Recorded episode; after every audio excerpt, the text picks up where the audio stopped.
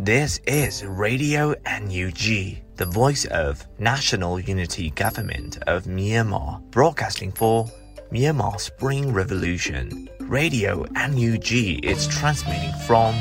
shortwave 16 meter 17.79 megahertz at 8:30 a.m. and 25 meter 11.94 megahertz at 8:30 p.m. Myanmar Standard Time. မင်္ဂလာပါခင်ဗျာ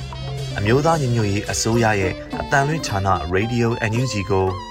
မနက်ပိုင်း၈နာရီခွဲမှာလိုင်းတို16မီတာ7.3 MHz ညပိုင်း၈နာရီခွဲမှာလိုင်းတို25မီတာ17.6 MHz တို့မှာဓာတ်ရိုက်ဖမ်းယူနိုင်စနိုင်ပါပြီမင်္ဂလာအပေါင်းနဲ့ပြည့်စုံကြပါစေအခုချိန်ကစပြီး Radio NUG အစီအစဉ်တွေကိုဓာတ်ရိုက်အတန်လွှင့်ပေးနေပါပြီ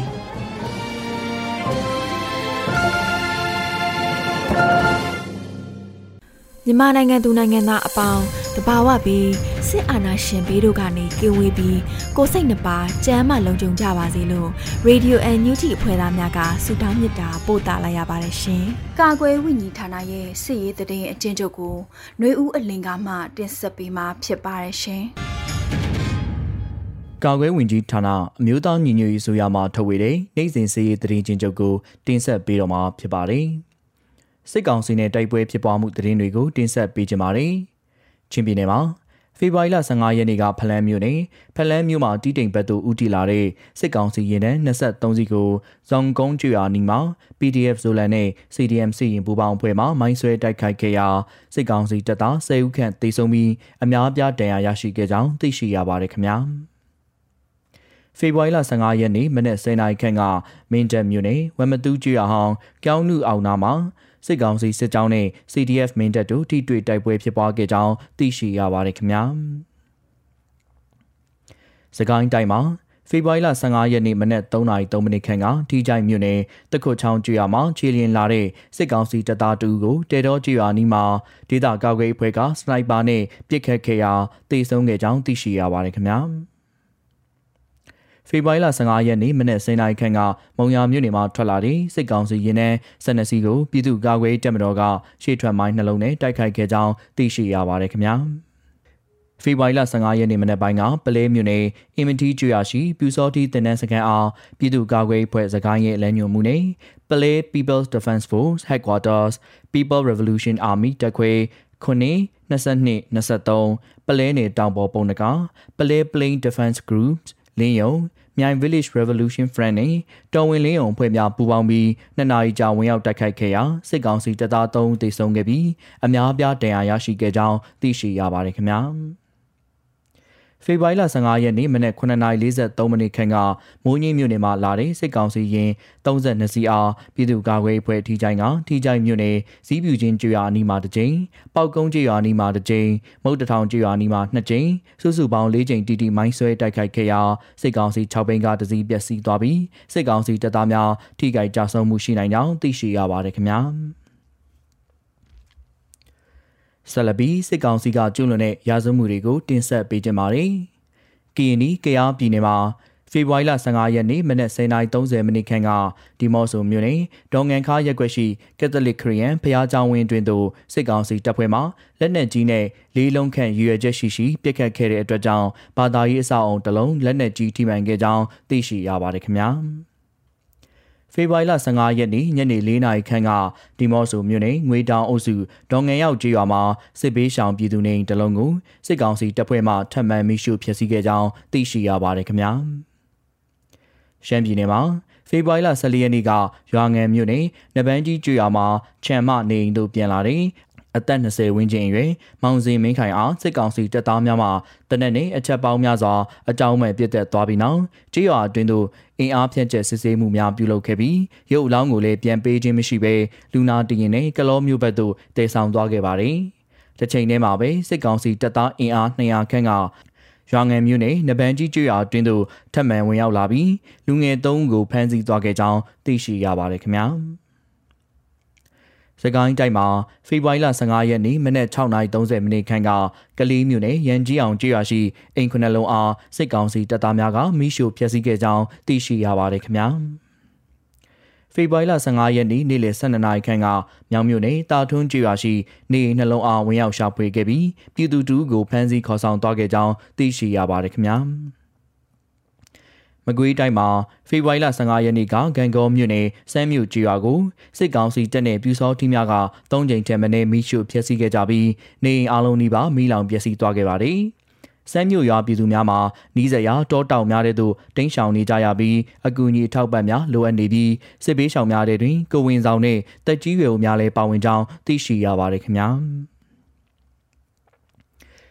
အထွေထွေသတင်းအနေနဲ့ဖေဖော်ဝါရီလ15ရက်နေ့ကကဏီမြို့နယ်ဝင်းမနာရဲစခန်းမှာရဲတပ်သား2ဦးဒေသကာကွယ်အဖွဲ့ထံသို့ G4 တလက် G320 တောင် T-box နှစ်ခုနဲ့အတူလက်နက်ချအလင်းဝင်ရောက်လာခဲ့ကြောင်းသိရှိရပါတယ်ခင်ဗျာ။ယခုတင်ဆက်သွားတဲ့သတင်းတွေကိုမြေပြင်သတင်းတာဝန်ခံများနဲ့သတင်းဌာနတွေမှာဖော်ပြလာတဲ့အချက်လက်တွေပေါ်အခြေခံပြုစုထားခြင်းဖြစ်ပါတယ်။ကျွန်တော်ကတော့ຫນွေဦးလင်ပါ။ Radio NUG မှာဆက်လက်အသံလွှင့်နေပါတယ်။အခုဆက်လက်ပြီးနောက်ဆုံးရသတင်းများကိုအဲရီမှတင်ဆက်ပေးမှာဖြစ်ပါတယ်ရှင်။ပထမဆုံးအနေနဲ့ဂမ်ဘီယာမြန်မာအမှုတွေဥပဒေပညာရှင်အဖွဲ့ကြေညာတဲ့ထုတ်ပြန်ကြေညာချက်ကိုတင်ပြပေးချင်ပါတယ်။ပြည်အောင်စုသမ္မတမြန်မာနိုင်ငံတော်အမျိုးသားညီညွတ်ရေးအစိုးရနိုင်ငံတော်သမ္မတရုံးထုတ်ပြန်ကြေညာချက်အမှတ်၄မြင်းဆောင်2022 2022ခုနှစ်ဖေဖော်ဝါရီလ15ရက် အပြည်ပြည်ဆိုင်ရာတရားရုံးတွင်ရင်ဆိုင်နေရသောဂမ်ဘီယာမြန်မာအမှုတွေဥပဒေပညာရှင်အဖွဲ့ကြေညာခြင်းအမျိုးသားညီညွတ်ရေးအစိုးရသည်စစ်တပ်၏အကြမ်းဖက်မှုကြောင့်မြေစာပင်ဖြစ်ရသည့်ဒုက္ခသည်များအတွက်တရားမျှတမှုရရှိရသည့်မိမိ၏တာဝန်ဝတ္တရားအဖြစ်အလေးနက်ခံယူသည်ထို့ကြောင့်2016ခုနှစ်နှင့်2018ခုနှစ်များအတွင်းကရိုဟင်ဂျာများအပေါ်ထိုးနှက်ခဲ့သည့်စစ်တပ်၏စစ်စင်ရေးများနှင့်ဆက်လင်း၍ယခုအပြည်ပြည်ဆိုင်ရာတရားရုံး ICJ ရှေ့မှောက်တွင်ရင်ဆိုင်နေရသောအမှုသည် အမျိုးသားညီညွတ်ရေးအစိုးရနှင့်မြန်မာပြည်သူတရက်လုံးအတွက်အလွန်အရေးကြီးအလေးထားရမည့်ကိစ္စအဖြစ်ခံယူထားပါသည်မြန်မာနိုင်ငံကအပြည်ပြည်ဆိုင်ရာတရားရုံး ICJ တွင်ရင်ဆိုင်နေရသောရင်းအမှုနှင့်ဆက်လင်း၍ကမ္ဘာကုလသမဂ္ဂဆိုင်ရာမြန်မာတပ်အမတ်ကြီးဦးကျော်မိုးထွန်းအားမြန်မာနိုင်ငံ၏တဦးရီသောကိုယ်စားလှယ်အဖြစ်ခန့်အပ်ကြောင်းအမျိုးသားညီညွတ်ရေးအစိုးရ၏လမ်းညွှန်မှုဖြင့်ကြေညာထားပြီးဖြစ်ပါသည်။ ရင်းအမှုကိုချောမွေ့စွာဆက်လက်ဆောင်ရွက်နိုင်ရန်အမျိုးသားညီညွတ်ရေးအစိုးရသည်ပနာမကန့်ကွက်မှုများကိုရုပ်သိမ်းကြောင်း၎င်း၏ဆုံးဖြတ်ချက်အားတရားရုံးကိုအသိပေးထားပြီးဖြစ်ပါသည်။တာမတ်ကြီးဦးကျော်မိုးထွန်းနှင့်အမျိုးသားညီညွတ်ရေးအစိုးရတို့နှင့်လက်တွဲဆောင်ရွက်မိအောက်ပါပုဂ္ဂိုလ်2ဦးပါဝင်သောဥပဒေအဖွဲ့အသစ်ကိုယနေ့ထုတ်ပြန်ကြေညာအပ်ပါသည်။၎င်းပုဂ္ဂိုလ်နှစ်ဦးမှာပါမောက္ခ Mr. Jean Mark Tuvinen Professor Jean Mark Tuvinen သည် Hague မြို့ရှိအပြည်ပြည်ဆိုင်ရာဥပဒေတက္ကသိုလ် The Hague Academy of International Law အထွေထွေအတွင်းရေးမှူးချုပ် Institute de Dewalt International အဖွဲ့ဝင် Paris Now တဲတက္ကသိုလ်ပါမောက္ခပြင်သစ်လူအဖွဲ့အစည်း၏နိုင်ငံတကာရေးရာဥပဒေဘုတ်အဖွဲ့ဝင် Board Member of the French Society for International Law Annoyer Francis D. Dewart International စာဆောင်၏ Editor Board အဖွဲ့ဝင် Paris Signal Partners ဥပဒေအဖွဲ့ပိုင်ရှင်အဖွဲ့ဝင်1992ခုနှစ်မှာစတင်၍ ICJ အပြည်ပြည်ဆိုင်ရာတရားရုံးအမြဲတမ်းအနုညာဏခုံသမာဓိယုံပင်လယ်ပြင်ဆိုင်ရာနိုင်ငံတကာခုံရုံးဥပဒေဆိုင်ရာတရားရုံး European Court of Justice များတွင်ဥပဒေအကြံပေးနှင့်ရှေ့နေအဖြစ်၎င်းအတိုင်ပင်ခံရှေ့နေအဖြစ်၎င်းဆောင်ရွက်နေပါသည် Stephen Powers QC သည် နိုင်ငံတကာတရားရုံးများတွင်လူအခွင့်အရေးမဟုတ်မမှန်အကျဉ်းချခြင်းနှင့်စစ်ရာဇဝတ်မှုများတွင်အထူးကျွမ်းကျင်သည့်ရှေ့နေတအုပ်ဖြစ်သည်ဥရောပလူခွင့်ရေးတရားရုံးနှင့်အခြားသောနိုင်ငံတကာခုံရုံးများရှိတွင်ထင်ရှားခဲ့ပြီးနိုင်ငံတကာဥပဒေဆိုင်ရာထိပ်တန်းလက်တွေ့ကျမ်းတစောင်ကိုရေးသားခဲ့သူဖြစ်သည်အမျိုးသားညီညွတ်ရေးအစိုးရသည်အထက်ပါဥပဒေရေးရာအဖွဲ့နှင့်နီးကပ်စွာပူးပေါင်းဆောင်ရွက်၍အပြည်ပြည်ဆိုင်ရာတရားရုံး ICJ တွင်ရင်ဆိုင်လျက်ရှိသည့်အမှုကိုဖြေရှင်းဆောင်ရွက်သွားမည်ဖြစ်ပါသည်တစ်ချိန်တည်းတွင်အမျိုးသားညီညွတ်ရေးအစိုးရသည် စစ်တပ်၏လူခွင့်ရေးချိုးဖောက်နေသည့်အထောက်အထားများကိုဆက်လက်ရှာဖွေစုဆောင်းပြီးတင်ပြသွားပါမည်။ International Criminal Court ICC ၏စီရင်ပိုင်ခွင့်အာဏာကို2002ခုနှစ်နောက်ပိုင်းကျူးလွန်သော Rome Statute တွင်အကျုံးဝင်သည့်ရာဇဝတ်မှုအလုံးအတွက်အနှင်းပေးထားပြီးမြန်မာနိုင်ငံနှင့်ပြည်သူများ၏ကောင်းကျိုးကိုရည်မျှော်၍လူ့အခွင့်အရေးနှင့်တရားမျှတမှုကိုအလေးထားသူအလုံး၏ပံ့ပိုးကူညီမှုအလုံးကိုရယူကာလက်တွဲကြိုးပမ်းဆောင်ရွက်လျက်ရှိပါသည်။ ဒူဝါလက်ရှိလယာယီသမရအမျိုးသားညီညွတ်ရေးအစိုးရပြည်ထောင်စုသမရမြန်မာနိုင်ငံတော်လို့ဖော်ပြပါရှိပါတယ်ရှင်။ကရင်ပြည်နယ်ကစစ်ဘေးရှောင်တွေကို ICRC ကူညီဖို့စည်ရင်းတွေကောက်ယူနေပါတယ်။ ကင်းပြည်နယ်အတွင်းမှာရှိတဲ့လေကိတ်ကောဒေသကစစ်ပေးရှောင်တွေကိုကူညီနိုင်မှုအပြည်ပြည်ဆိုင်ရာကြက်ချီနီကော်မတီ ICRC ကစည်ရင်ကောက်ယူမှုတွေလာရောက်ပြုလုပ်ခဲ့တယ်လို့စစ်ရှောင်စခန်းမှာဥဆောင်နေသူတွေကပြောပါတယ်။အဲ့လိုကူညီဖို့ကရင်ပြည်နယ်မြောက်ရီမြို့နယ်လေးကိတ်ကောဒေသအတွင်းမှာရှိတဲ့မဲထော်တလီမင်းလက်ပံအင်ဂျင်များလေးကိတ်ကောနဲ့ကြောက်ခက်ကစစ်ပေးရှောင်ဒေသခံပြည်သူတွေနဲ့ဖေဖော်ဝါရီလ12ရက်နေ့မှာ ICRC ကကွင်းစင်းတွေ့ဆုံမှုတွေပြုလုပ်ခဲ့တယ်လို့သိရှိရပါတယ်။လေးကေကောစစ်ဆောင်စကန်တင်မှာရှိတဲ့တာဝန်ခံတအူးကတော့ သူတို့လောလောဆယ်စည်ရင်ကောက်ထားတာကတော့လုံနေတယ်။နောက်ထပ်ကြံနေသေးရင်လည်းစည်ရင်တွေပြုစုပေးဖို့ဖို့ပြောတယ်။သူတို့အဖွဲ့အစည်းအနေနဲ့တော့တကယ်ဒုက္ခရောက်သူစစ်ဆောင်တွေကိုတတ်နိုင်သမျှကူညီမယ်ပြောတယ်လို့တန်လွန်ခက်သတင်းဌာနကိုပြောခဲ့တယ်လို့သိရပါတယ်။ ICRC အနေနဲ့စစ်ပေးဆောင်ပြည်သူတွေရဲ့စားဝတ်နေရေးကိုဦးစားပေးဆောင်ရွက်ပေးမှာဖြစ်ကြောင်းဒေသခံစစ်ဆောင်တွေကိုပြောဆိုခဲ့တယ်လို့သိရှိရပါတယ်။လက်ရှိစစ်ပေးဆောင်ကာလအတွင်းမှာရောစစ်ဆောင်ပြီးလို့ကိုယ့်အိမ်ကိုယ့်နေရက်ကိုပြန်တဲ့အထိတက်နိုင်လောက်ကူညီပေးမယ်လို့ပြောခဲ့ပါတယ်လို့မေဝါခီဒေသခံစစ်ပေးဆောင်တအူးကပြောပါတယ်။ အာနာသိန်းချိန်ကစလို့ဖြစ်ပွားခဲ့တဲ့တိုက်ပွဲတွေကြောင့်ကရင်ပြည်နယ်အတွင်းကဒေသခံ9000ကျော်လောက်ဟာနေရက်စွန့်ခွာစစ်ပေးဆောင်နေကြရတယ်လို့ကရင်အမျိုးသားအစည်းအရုံး KNU ဗဟိုကအခုလ10ရက်နေ့ကထုတ်ပြန်ထားခဲ့ပါတယ်ရှင်။ဆက်လက်ပြီးမြန်မာစစ်တပ်ကိုလက်နက်ထောက်ပံ့တာရပ်ဖို့ပါကစ္စတန်ကိုဘာမာကမ်ပိန်း UK တောင်းဆိုလိုက်တဲ့သတင်းကိုတင်ပြပေးချင်ပါသေးတယ်။ပါကစ္စတန်ဝန်ကြီးချုပ်အနေနဲ့မြန်မာအကြမ်းဖက်စစ်တပ်ကိုလက်နက်ထောက်ပံ့တာရပ်ဖို့ဗြိတိန်အခြေစိုက်ဘာမာကမ်ပိန်း UK ကတောင်းဆိုလိုက်ပါတယ်။ လက်ရှိပါကစ္စတန်နိုင်ငံဟာမြန်မာစစ်တပ်နဲ့ကာလရှည်ကာကွယ်ရေးဆိုင်ရာပူးပေါင်းဆောင်ရွက်မှုသဘောတူညီချက်တရက်ရှိထားပြီး JF-17 တိုက်လေယာဉ်အပါအဝင်လက်နက်နဲ့စစ်ဖက်ဆိုင်ရာပစ္စည်းတွေထောက်ပံ့နေတယ်လို့အဲ့ဒီအဖွဲ့ကပြောပါတယ်။လက်ရှိမှာပါကစ္စတန်နိုင်ငံဟာမြန်မာစစ်တပ်ကိုစစ်တပ်နက်ကြီးတွေဘုံပစ်လောင်ချတွေအပြင်တိုက်လေရင်တွေနဲ့ ဒုံးကျည်တွေရောင်းချဖို့ရှိနေတယ်လို့သတင်းမီဒီယာတွေမှာဖော်ပြနေတယ်လို့လည်းအဲ့ဒီအဖွဲ့ကပြောပါတယ်။လက်ရှိပါကစ္စတန်ဝန်ကြီးချုပ်အီမရန်ခန်ဟာမြန်မာနိုင်ငံတွင်ရိုဟင်ဂျာတွေကိုလူမျိုးတုံးတပ်ဖြတ်ခံရမှုကိုဝန်ကြီးချုပ်မဖြစ်ခင်ကလူမှုကွန်ရက်ကနေရှုတ်ချပြောဆိုခဲ့သူဖြစ်ကြောင်းလူမျိုးတုံးတပ်ဖြတ်မှုကျူးလွန်ခဲ့တဲ့မြန်မာစစ်တပ်ကိုအခုလက်နက်တပ်ဆင်ပေးနေတာအီမရန်ခန်ရဲ့သူတော်ကောင်းရောင်ဆောင်မှုကိုပြသနေကြောင်းဘာမာကမ်ပိန်း UK ရဲ့အမှုဆောင်ညွှန်ကြားရေးမှူးအန်နာရောဘတ်စ်ကပြောပါတယ်။ဘာမာကမ်ပိန်း UK ကဝန်ကြီးချုပ်အီမရန်ခန်စီစာပေးပို့ရမှာမြန်မာစစ်တပ်ကို ဝန်ကြီးချုပ်ချောင်းလိုက်တဲ့လက်နက်တွေဟာရိုဟင်ဂျာတွေကိုဖိနှိပ်ဖို့သုံးတဲ့လက်နက်တွေအဖြစ်မကြခင်မှာပြောင်းလဲသွားနိုင်တယ်လို့သတိပေးခဲ့ကြောင်းသိရှိရပါတယ်ရှင်။အခုဆက်လက်ပြီးတော့ဒီမော့ဆိုမြို့နယ်အတွင်းဒေါငံခါကက်သလစ်ခရစ်ယာန်ဖျားကျောင်းဝင်းကိုအာနာသိန်းစစ်ကောင်စီတပ်ကလက်နက်ကြီးလေးချက်ပစ်ခတ်ခဲ့တယ်ဆိုတဲ့သတင်းကိုတင်ပြပေးခြင်းပါတယ်။ ကရင်နီကရားပြည်နယ်ဒီမော့ဆိုမြို့နယ်မှာဖေဖော်ဝါရီလ15ရက်နေ့ကအာနာသိန်းစစ်ကောင်စီတပ်ကပစ်ခတ်လိုက်တဲ့လက်နက်ကြီးကြီးလေးလုံးဒေါငံခါရက်ကွက်မှာရှိတဲ့ကက်သလစ်ခရစ်ယာန်ဘုရားကျောင်းဝင်းအတွင်းကိုကြားရောက်ခဲ့တယ်လို့ဒီမော့ဆို PDF ရဲ့သတင်းထုတ်ပြန်ချက်အရသိရှိရပါတယ်။လက်နက်ကြီးကြီးကြားရောက်မှုကြောင့်ဘာသာရေးအဆောက်အဦတစ်လုံးလက်နက်ကြီးထိမှန်ခဲ့တဲ့အပြင်အိမ်သာတစ်လုံးလည်းထိမှန်ပျက်စီးခဲ့တယ်လို့သိရှိရပါတယ်။ဒါအပြင်ဒီမော့ဆိုမြို့နယ်ဒေါငံရောက်ကျေးရွာမှာလည်းနေအိမ်တစ်လုံးကိုအာနာသိန်းစစ်ကောင်စီတပ်ကမိရှုသွားကြတယ်လို့သိရပြီးဖေဖော်ဝါရီလ23ရက်နေ့ကလည်း ငွေတောင်ဆယ်အနီးကနေအိမ်သုံးလုံးမိရှို့ခံခဲ့ရပါတယ်။အာနာသိန်းစစ်ကောင်စီတပ်လှုပ်ရှားရာနေရာတွေဖြစ်တဲ့ငွေတောင်ဒေါခလိုက်လင်းအောင်ချမ်းသာရွှေရောက်ရက်ကွက်တို့မှာပြည်သူတွေစစ်ပေးရှောင်နေကြရပြီးကြံခဲ့တဲ့နေအိမ်တွေကိုအာနာသိန်းစစ်တပ်ကမကြာခဏမိရှို့တာပစ္စည်းတွေဖောက်ထွင်းယူဆောင်တာတွေကြောင့်နေရက်ဆွန့်ခွာပြည်သူနေအိမ်များစွာပျက်စီးဆုံးရှုံးမှုတွေဖြစ်ပေါ်နေရတယ်လို့ဒေသခံတွေထံကသိရှိရပါတယ်ရှင်။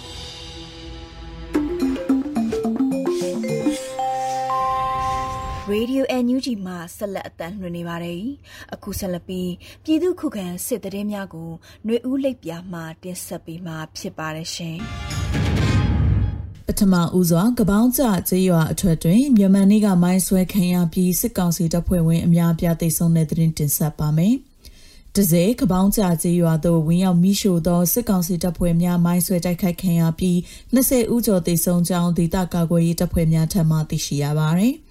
ကပောင်းကြကြေးရွာကိုဝင်ရောက်မိရှို့သောအင်အား160ခန့်စစ်ကောင်စီစစ်ကြောင်းသည်ဖေဖော်ဝါရီလ17ရက်မှ14ရက်နေ့အတွင်းအကြိမ်ကြိမ်မိုင်းဆွဲတိုက်ခိုက်ခံရပြီးအများအပြားသေဆုံးခဲ့ခြင်းမှာမိုင်းဆွဲတိုက်ခိုက်ခံရပြီးနောက်စစ်ကောင်စီတပ်ဖွဲ့များသည်တရားရှိတော်လဲမကူရဲတော့ဘဲဖောင်များဖြင့်ဒေဆုံးတန်ရာရသူများကိုတည်ဆောင်ခဲ့ကြောင်းရွာရှိမြောက်ရွာဘက်ကိုဆက်လက်စစ်ကြောင်းထိုးကဝင်ရောက်မိရှို့ခဲ့ကြောင်းဒေသကာကွယ်ရေးတပ်ဖွဲ့များထံမှသိရှိရပါသည် ဆက်လက်တင်ဆက်မှာကတော့ရင်းမပင်ရဲစခန်းနဲ့ခရိုင်ယုံကို Children Attack Force ကလက်နက်ကြီးများ drone များဖြင့်ပုံကျဲတိုက်ခိုက်ခဲ့တဲ့တဲ့မှာ စကိုင်းတိုင်းရင်းမာပင်မြို့နယ်ရှိအကြံဖက်စစ်ကောင်စီတပ်ဖွဲ့ဝင်တရားကျော်တဆွဲထားသောရဲစခန်းနှင့်ခရိုင်ရုံးတို့ကိုဖေဖော်ဝါရီလ12ရက်မှ14ရက်နေ့အတွင်းမုံရွာခရိုင်တရင်နှင့် Children Attack Force ကလက်နက်ကြီးများဖြင့်ပစ်ခတ်တိုက်ခိုက်သလို drone ဖြင့်လည်းပုံကျဲတိုက်ခိုက်ခြင်းကြောင့်စစ်သား30ထပ်မံထိခိုက်ဒဏ်ရာရနိုင်ကြောင်း Children Attack Force ကသတင်းထုတ်ပြန်ပါတယ်။ဖေဖော်ဝါရီလ12ရက်နေ့နနက်တနာရီခန့်တွင်လက်နက်ကြီး9လက်ဖြင့်အချက်ရည်40ကျော်ပစ်ခတ်ခဲ့ကြောင်း ဖေဖော်ဝါရီလ23ရက်တွင်လက်နက်ကြီးများဖြင့်အချက်ရည်30ကျော်ပစ်ခတ်ခဲ့ကြောင်း14ရက်နေ့တွင်လက်နက်ကြီးများဖြင့်အချက်ရည်50ကျော်ပစ်ခတ်သလိုဝေဟင်မှဒရုန်းဖြင့်ပုံကျဲတိုက်ခိုက်ခဲ့ကြောင်းသိရှိရပါသည်တိုက်ခိုက်မှု၃ကြိမ်တွင်စစ်ကောင်စီဘက်မှ30ဦးထပ်မံထိခိုက်ဒဏ်ရာရနိုင်ကြောင်းချင်းတွင် Attack Force ကထုတ်ပြန်ပါတယ်။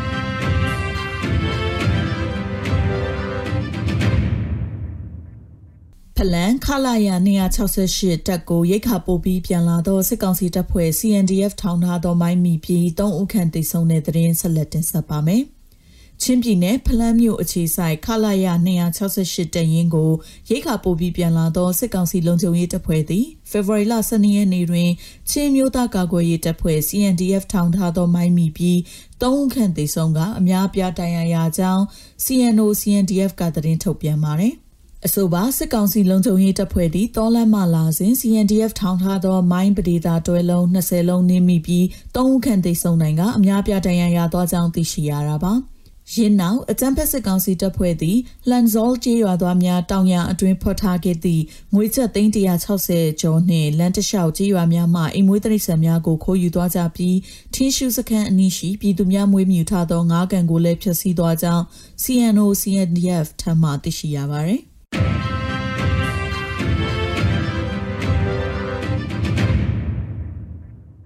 ဆက်လက်ပြီးကိုကန့်ဒေတာတွင်တိုက်ပွဲပြင်းထန်ပြီးစစ်သား၈ဦးသေဆုံးတဲ့တဲ့တင်ဆက်မှာပါရှမ်းပြည်နယ်ကိုကန့်အထူးဒေသ1မူပန်သိန်းနီခရိုင်လုံကြီးအရှိချမ်းတွင်အကြမ်းဖက်စစ်ကောင်စီတပ်နှင့် MNDAA တပ်မဟာနှင့်တစ်တစ်ကြားဖေဖော်ဝါရီလ23ရက်ည8:29မိနစ်တွင်တိုက်ပွဲပြင်း ထန်ခဲ့ပြီးစစ်ကောင်စီဘက်မှ8ဦးသေဆုံးက MNDAA မှ2ဦးကြာဆုံး2ဦးဒဏ်ရာရကြောင်းကိုကန့်သတင်းရင်းမြစ်ထံမှသိရှိရပါသည်။ရင်းနောက်ဖေဖော်ဝါရီလ23ရက်ညနေ14ရက်နေ့နက်တွင်စစ်ကောင်စီတပ်လေးချောင်းမှ MNDAA တပ်မဟာ211စခန်းများကိုပုံကျဲတိုက်ခိုက်ခဲ့ကြောင်းနှင့် MNDAA ထိန်းချုပ်နယ်မြေမန်ယန်တပ်စခန်းနှင့်ရှိကြည်ကြတောင်ကုန်းကိုလက်နက်ကြီးလက်နက်ငယ်များဖြင့်ပစ်ခတ်တိုက်ခိုက်ခဲ့ကြောင်းသိရှိရပါသည်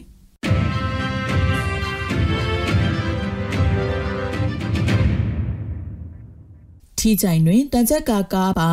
စစ်ရင်တန်းကိုမိုင်းအလုံး20ကျော်ဖြင့်ဖောက်ခွဲတိုက်ခိုက်မှုစစ်တပ်ဘက်မှ20နီးပါးသေဆုံးတဲ့တဲ့ရင်ဆက်လက်တင်ဆက်ပေးပါမယ်။စကိုင်းတိုင်းထီချိုင်မြို့နယ်တွင်တကြက်ကာကာပါ33စီးစစ်ရင်တန်းကိုယနေ့နနက်ပိုင်းတွင်ထီချိုင်ဒေသကာကွယ်ရေးတပ်ဖွဲ့များက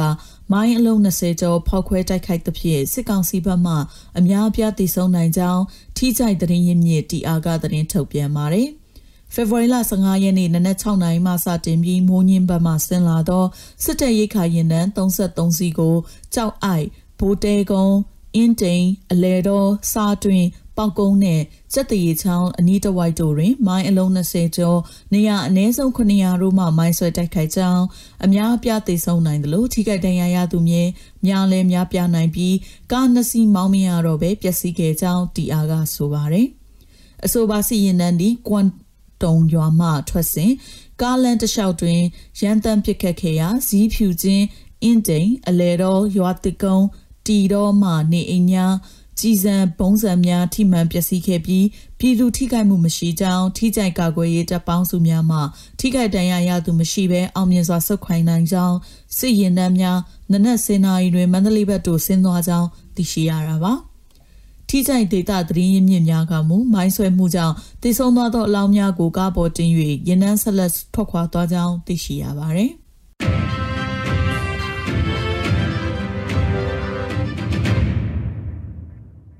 နောက်ဆုံးအနေနဲ့အမျိုးသားညီညွတ်ရေးအစိုးရပြည်ထရေးနဲ့လူဝင်မှုကြီးကြပ်ရေးဝန်ကြီးဌာနက2022ခုနှစ်ဖေဖော်ဝါရီလ15ရက်ရက်စွဲနဲ့ထုတ်ပြန်တဲ့ပြည်သူ့ခုခံတော်လှန်စစ်တရင်အချက်လက်တွေကိုတင်ဆက်ပေးသွားမှာပါ။အာနာသိန်းအကြံဖက်စစ်အုပ်စု၏ပြည်သူလူထုအပေါ်အကြံဖက်ဖိနှိပ်ဖန်ဆီးတိုက်ခိုက်တပ်ဖြတ်နေမှုများကိုပြည်သူလူထုတရက်လုံးကအသက်ရှင်သန်ရေးအတွက်မိမိကိုယ်ကိုမိမိခုခံကာကွယ်ပိုင်ခွင့်အရာပြည်သူ့ခန့်စစ် People Defensive War ကိုဆင်နွှဲလျက်ရှိပါတယ်။တရင်ချက်လက်များအရာ 14ရက်2လ2022ရက်နေ့တွင်စစ်ကောင်စီတပ်ဖွဲ့ဝင်42ဦးသေဆုံးပြီးထိခိုက်ဒဏ်ရာရရှိသူ17ဦးအထိခုခံတိုက်ခိုက်နိုင်ခဲ့ပါတယ်။စစ်အာဏာရှင်စနစ်မြမမြေပေါ်မှအပြည့်တိုင်းချုပ်ငြိမ်းရေးနဲ့ Federal Democracy တိဆောက်ရေးအတွက်ငြိမ်းချမ်းစွာဆန္ဒပြသည့်လူထုတပိတ်တိုက်ပွဲများကပြည်내နဲ့တိုင်းဒေသကြီးများမှာဖြစ်ပွားပေါ်ပေါက်လျက်ရှိပါတယ်။မြေပြင်မှာယခုတွေ့ရတဲ့သတင်းချစ်လက်များထက်ပို၍ဖြစ်ပွားနိုင်ပါရဲ့ရှင်။ Radio NUG မှာဆက်လက်အသံလွှင့်နေပါတယ်။အခုဆက်လက်ပြီးနေ့စဉ်သတင်းများကိုမတ်ထထအင်ဒရာအောင်မှတင်ဆက်ပေးမှာဖြစ်ပါတယ်ရှင်။ပထမဆုံးတင်ဆက်ပေးမှာကတော့53ချိန်မြောက်အမျိုးသားညီညွတ်ရေးအစိုးရအစည်းအဝေး6မြင်းဆောင်2022ကိုဒီကနေ့မှပြုလုပ်ခဲ့တဲ့ဆိုတဲ့သတင်းမှာ 43ချိန်မြောက်အမျိုးသားညီညွတ်ရေးအစိုးရအဖွဲ့အစည်းအဝေး6မြင်းဆောင်2022ကိုဒီကနေ့မနက်10:00နာရီမှာကျင်းပခဲ့ရာယာယီသမရဒူဝါလက်ရှိလာပြည်ထောင်စုဝန်ကြီးချုပ်မန်ဝင်းခိုင်တန်းနဲ့ပြည်ထောင်စုဝန်ကြီးတွေဒုတိယဝန်ကြီးတွေတက်ရောက်ခဲ့ကြပါတယ်။ အစည်းအဝေးမှာယာယီသမရာကြီးက85နှစ်မြောက်ပင်လုံစာချုပ်ချုပ်ဆိုခြင်းအထိမ်းအမှတ်နေ့အခမ်းအနားကိုတကမ္ဘာလုံးစိတ်ဝင်စားခဲ့တယ်လို့ပဲနိုင်ငံ24နိုင်ငံရဲ့တန်တမန်တွေကိုယ်စားလှယ်တွေတက်ရောက်ခဲ့ပြီးအခမ်းအနားကိုအောင်မြင်စွာဦးဆောင်ကျင်းပနိုင်ခဲ့တဲ့အတွက်အထူးဂုဏ်ယူဝမ်းမြောက်တယ်လို့ပြောပါတယ်။ ဒါ့အပြင်ဖေဖော်ဝါရီလ14ရက်နေ့မှာအမျိုးသားညီညွတ်ရေးအစိုးရရဲ့ဗန်ဒါရေးကော်မရှင်အစည်းအဝေးကိုကျင်းပပြုလုပ်ခဲ့ပြီးတော့ဗန်ဒါရေးကော်မရှင်အနေနဲ့ဗန်ဒါငွေရှောက်ဖွေရေးနဲ့ပြည်သူများလှူဒန်းထားတဲ့ဗန်ဒါငွေတွေကိုတော်လှန်ရေးအောင်မြင်နိုင်ဖို့အရေးကြီးတဲ့ကဏ္ဍတွေမှာနီးဗျူဟာကြကြစနစ်တကျသုံးစွဲနိုင်ဖို့အထူးလိုအပ်တဲ့ဆိုတာနဲ့နိုင်ငံတကာဆက်ဆံရေးနဲ့ဆက်နွယ်ပြီးမိမိတို့အစိုးရအနေနဲ့လက်ရှိကြုံတွေ့နေရတဲ့စိန်ခေါ်မှုတွေကိုကျော်လွှားနိုင်ဖို့ကူညီပေးနိုင်ရေးနိုင်ငံအသီးသီးကိုဆက်သွယ်ဆောင်ရွက်နေတယ်လို့ပြောကြားခဲ့ပါတယ်။ ပြည်ထောင်စုဝန်ကြီးချုပ်မန်ဝင်းခိုင်တန်းကပင်လုံစာချုပ်ကိုလက်မှတ်ရေးထိုးခဲ့တဲ့85နှစ်မြောက်စိန်ရတုကိုအမျိုးသားညီညွတ်ရေးအစိုးရအနေဖြင့်အောင်အောင်မြင်မြင်ကျင်းပနိုင်အောင်ပူးပေါင်းပါဝင်ပေးကြတဲ့ပြည်သူတွေကိုကျေးဇူးတင်ကြောင်းဆိုထားပြီးတော့နိုင်ငံအတွင်းနေထိုင်ကြတဲ့လူမျိုးစုံအားလုံးအတွက်စစ်မှန်တဲ့ဒန်းတူအခွင့်အရေးရှိတဲ့ပြည်ထောင်စုနိုင်ငံတော်တစ်ကိုတည်ထောင်နိုင်ကြဖို့အားလုံးဆက်လက်စ조사သွားကြမှာဖြစ်တယ်လို့ပြောကြားခဲ့ပါတယ်။ ဒါအပြင် NUG အစိုးရအနေနဲ့ပြည်သူလူထုနဲ့အတူအကြမ်းဖက်စစ်တပ်ကိုမြန်မာပြည်ပေါ်ကနေတုတ်တင်ရှင်းလင်းနိုင်ရေးနဲ့ Federal Democracy ပြည်ထောင်စုတည်ထောင်နိုင်ရေးလုပ်ငန်းစဉ်ကြီးနှစ်ရပ်ကိုမျက်ခြေမပြတ်ဆောင်ရွက်လျက်ရှိတယ်ဆိုတာနဲ့အကြမ်းဖက်စစ်တပ်ကိုတုတ်တင်ရမှာသူတို့ရဲ့စိတ်အင်အားသာမကပဲစီးပွားရေးနဲ့နိုင်ငံခြားရေးစတဲ့ကဏ္ဍတွေကိုပါချိနေလာအောင်အဖက်ဖက်ကနေထိုးစစ်ဆင်လျက်ရှိတယ်လို့ဆိုပါတယ်။ တော်လှန်ရေးဟာတနစ်ကျော်ကြာလာပြီးမို့ပြည်သူတွေလည်းစိတ်ပန်းလူပန်းဖြစ်နေကြပြီးတော့တော်လှန်ရေးရဲ့ပထမအဆုံးဦးတည်ချက်ဖြစ်တဲ့အကြမ်းဖက်ဆက်အနာရှင်ကိုအမြင့်ဖြတ်နိုင်ရေးဆိုတဲ့ရည်ရွယ်ချက်ကိုဒီဇိုင်းမမတ်အားစိုက်ပေးနိုင်ကြဖို့လိုအပ်တယ်လို့လည်းပြောကြားခဲ့ပါတယ်။ အစည်းအဝေးတက်ရောက်လာကြတဲ့ပြည်အောင်စုဝန်ကြီးတွေကတင်ပြဆွေးနွေးကြရမှာနိုင်ငံခြားရေးဝန်ကြီးဌာနကအပြည်ပြည်ဆိုင်ရာတရားရုံး ICJ နဲ့ပတ်သက်ပြီးဆောင်ရွက်မှုတွေနဲ့ကျန်းမာရေးဝန်ကြီးဌာနက COVID-19 အခြေအနေတွေကိုရှင်းလင်းတင်ပြခဲ့ပြီးအစည်းအဝေးကိုမနက်7:00နာရီမိနစ်20မှာရုပ်သိမ်းလိုက်ပါတယ်။ ပြီးခဲ့တဲ့ဇန်နဝါရီလအတွင်းနိုင်ငံအနှံ့ကစစ်ရှောင်ပြည်သူတွေကိုကျပ်သိန်း3600ကျော်ပံ့ပိုးကူညီထားတယ်လို့အမျိုးသားညီညွတ်ရေးအစိုးရကထုတ်ပြန်လိုက်တဲ့သတင်းကိုတင်ဆက်ပေးပါမယ်။စစ်ရှောင်ပြည်သူတွေကိုအမျိုးသားညီညွတ်ရေးအစိုးရကကူညီထောက်ပံ့လျက်ရှိရမှာပြီးခဲ့တဲ့ဇန်နဝါရီလအတွင်းတလတာကူညီမှုဖြစ်တဲ့ကျပ်သိန်း3600ကျော်အထိထောက်ပံ့ကူညီထားနိုင်တယ်လို့လူသားချင်းစာနာထောက်ထားရေးနဲ့ဘီအန်ဒီရဲ့ဆိုင်ရာစီမံခန့်ခွဲရေးဝန်ကြီးဌာနကသတင်းထုတ်ပြန်ပါတယ်။ ဝင်ကြီးဌာနအနေနဲ့ပြည်သူဝန်ဆောင်မှုလုပ်ငန်းတွေကိုနီလန်မျိုးစုံနဲ့လှုပ်ဆောင်ပေးနေတယ်ဆိုပြီးတော့လည်းထုတ်ပြန်ချက်မှာဖော်ပြထားပါတယ်။အကြမ်းဖက်စစ်တပ်ရဲ့ထိုးစစ်ဆင်တိုက်ခိုက်မှုတွေကြောင့်ကရင်ပြည်နယ်အတွင်းမှာစစ်ရှောင်နေရတဲ့ပြည်သူတွေရှမ်းပြည်နယ်တောင်ပိုင်းကစစ်ရှောင်ပြည်သူတွေတနင်္သာရီတိုင်းမွန်ပြည်နယ်ကရင်ပြည်နယ်နဲ့မကွေတိုင်းစကိုင်းတိုင်းနဲ့ချင်းပြည်နယ်တို့ကစစ်ရှောင်ပြည်သူတွေအတွက်အမျိုးသားညီညွတ်ရေးအစိုးရကကူညီထောက်ပံ့မှုတွေလုပ်ပေးနေတာပါ။ ထောက်ပံ့ကူညီမှုတွေမှာစားနပ်ရိက္ခာနဲ့အသုံးအဆောင်ပစ္စည်းတွေအပြင်အသက်ဆုံးရှုံးနေရတဲ့မိသားစုဝင်တွေအတွက်လည်းပံ့ပိုးကူညီထောက်ပံ့မှုတွေကိုဒေသခံမိဖက်အဖွဲ့အစည်းတွေလူငယ်အဖွဲ့တွေကနေတဆင့်ချိတ်ဆက်လှုပ်ဆောင်ပေးခဲ့တာလို့ဆိုပါတယ်။အချမ်းဘတ်စစ်တပ်ရဲ့အတားအဆီးအမျိုးမျိုးကြားကနေပြီးတော့ဘေးဒုက္ခခံစားနေကြရတဲ့ပြည်သူတွေလက်ထဲရောက်အောင်လှုပ်ဆောင်ပေးနေတဲ့ဒေသခံမိဖက်အဖွဲ့အစည်းတွေကိုယ်စားလှယ်တွေစေတနာဝန်ထမ်းပြည်သူတွေကိုအမျိုးသားညီညွတ်ရေးအစိုးရကနေပြီးကျေးဇူးတင်ရှိကြောင်းလည်းဖော်ပြထားပါတယ်။ ခုတင်ဆက်ပေးမယ့်သတင်းကတော့ကုလသမဂ္ဂလုံခြုံရေးကောင်စီအကြမ်းဖက်မှုတိုက်ဖျက်ရေးကော်မတီအစည်းအဝေးမှာအကြမ်းဖက်စစ်တပ်ကိုအမြန်ဆုံးအရေးယူနိုင်မယ့်နည်းလမ်းတွေကိုရှာဖွေကြဖို့အတွက်ဥကြုံမှုထွန်ကမြစ်တာရက်ခံလိုက်တဲ့ဆိုတဲ့သတင်းမှာ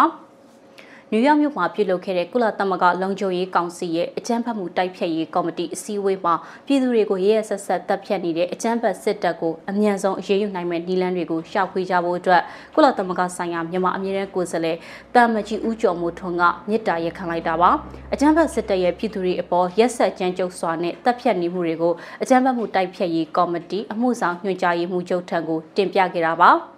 တာမကြီးဦးကျော်မိုးထွန်းကမြန်မာနိုင်ငံမှာ2021ခုနှစ်ဖေဖော်ဝါရီလ1ရက်ကစတင်ပြီးစစ်တပ်ကမအောင်မြင်တဲ့နိုင်ငံတော်အာဏာကိုမတရားသိမ်းယူမှုပြုလုပ်ချိန်ကစပြီးတော့စစ်တပ်ကမြန်မာပြည်သူတွေအပေါ်ရက်စက်ကြမ်းကြုတ်မှုများစွာကိုကြဲကြဲပြန့်ပြန့်နဲ့စနစ်တကျကျူးလွန်ခဲ့ကြောင်းကုလသမဂ္ဂရဲ့မြန်မာနိုင်ငံနဲ့သက်ဆိုင်တဲ့စုံစမ်းစစ်ဆေးရေးရန်တရား IIMM ရဲ့ထုတ်ပြန်ချက်တွေအရစစ်တပ်ရဲ့အကြမ်းဖက်မှုတွေကလူသားမျိုးနွယ်စုပေါ်ကျူးလွန်တဲ့ပြစ်မှုမြောက်တယ်လို့ထုတ်ဖော်ပြောကြားခဲ့ပါတယ်။ ဒါအပြင် CTED ထံကိုအကြမ်းဖက်စစ်တပ်ကမြန်မာပြည်သူတွေကိုရေးရဆက်ဆက်တပ်ဖြတ်နေတာနဲ့ပတ်သက်ပြီးတော့လည်းအချက်လက်တွေနဲ့ဥကြော်မှုထုံကတင်ပြခဲ့ပါသေးတယ်။အမျိုးသားညီညွတ်ရေးအစိုးရအနေနဲ့အကြမ်းဖက်မှုကိုမြည်သည့်အခြေအနေမြည်သည့်နေရာမြည်သည့်ပုံစံနဲ့မြည်သူကကျူးလွန်စေကမှုဘယ်သောအခါမှခွင့်မလွတ်ဘူးဆိုတာနဲ့အကြမ်းဖက်မှုတွေကိုအပြင်းအထန်ရှုံချပါကြောင်း ဒါကြောင့်လည်းမြန်မာနိုင်ငံအနေနဲ့ CTED နဲ့တခြားသောသက်ဆိုင်ရာအဖွဲ့အစည်းတွေနဲ့ဆက်လက်ပူးပေါင်းဆောင်ရွက်ဖို့ဆန္ဒရှိတာကိုထုတ်ဖော်ပြောကြားလိုကြောင်းပြောကြားထားပါတယ်။ CTED နဲ့သက်ဆိုင်ရာအဖွဲ့အစည်းတွေကိုစစ်တပ်ကကျူးလွန်နေတဲ့အကြမ်းဖက်မှုတွေကို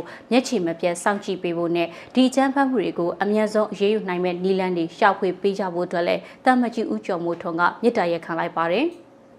မြန်မာနိုင်ငံအနေနဲ့လည်းအကြမ်းဖက်မှုတိုက်ဖျက်ရေးကိစ္စရပ်တွေကို CTED, Interpol, UNODC, UNOCT တို့အပါအဝင်တခြားသက်ဆိုင်ရာအဖွဲ့အစည်းတွေနဲ့ရင်းရင်းနှီးနှီးပူးပေါင်းဆောင်ရွက်သွားမယ်လို့လည်းကတိပြုထားတာကိုတွေ့ရပါတယ်။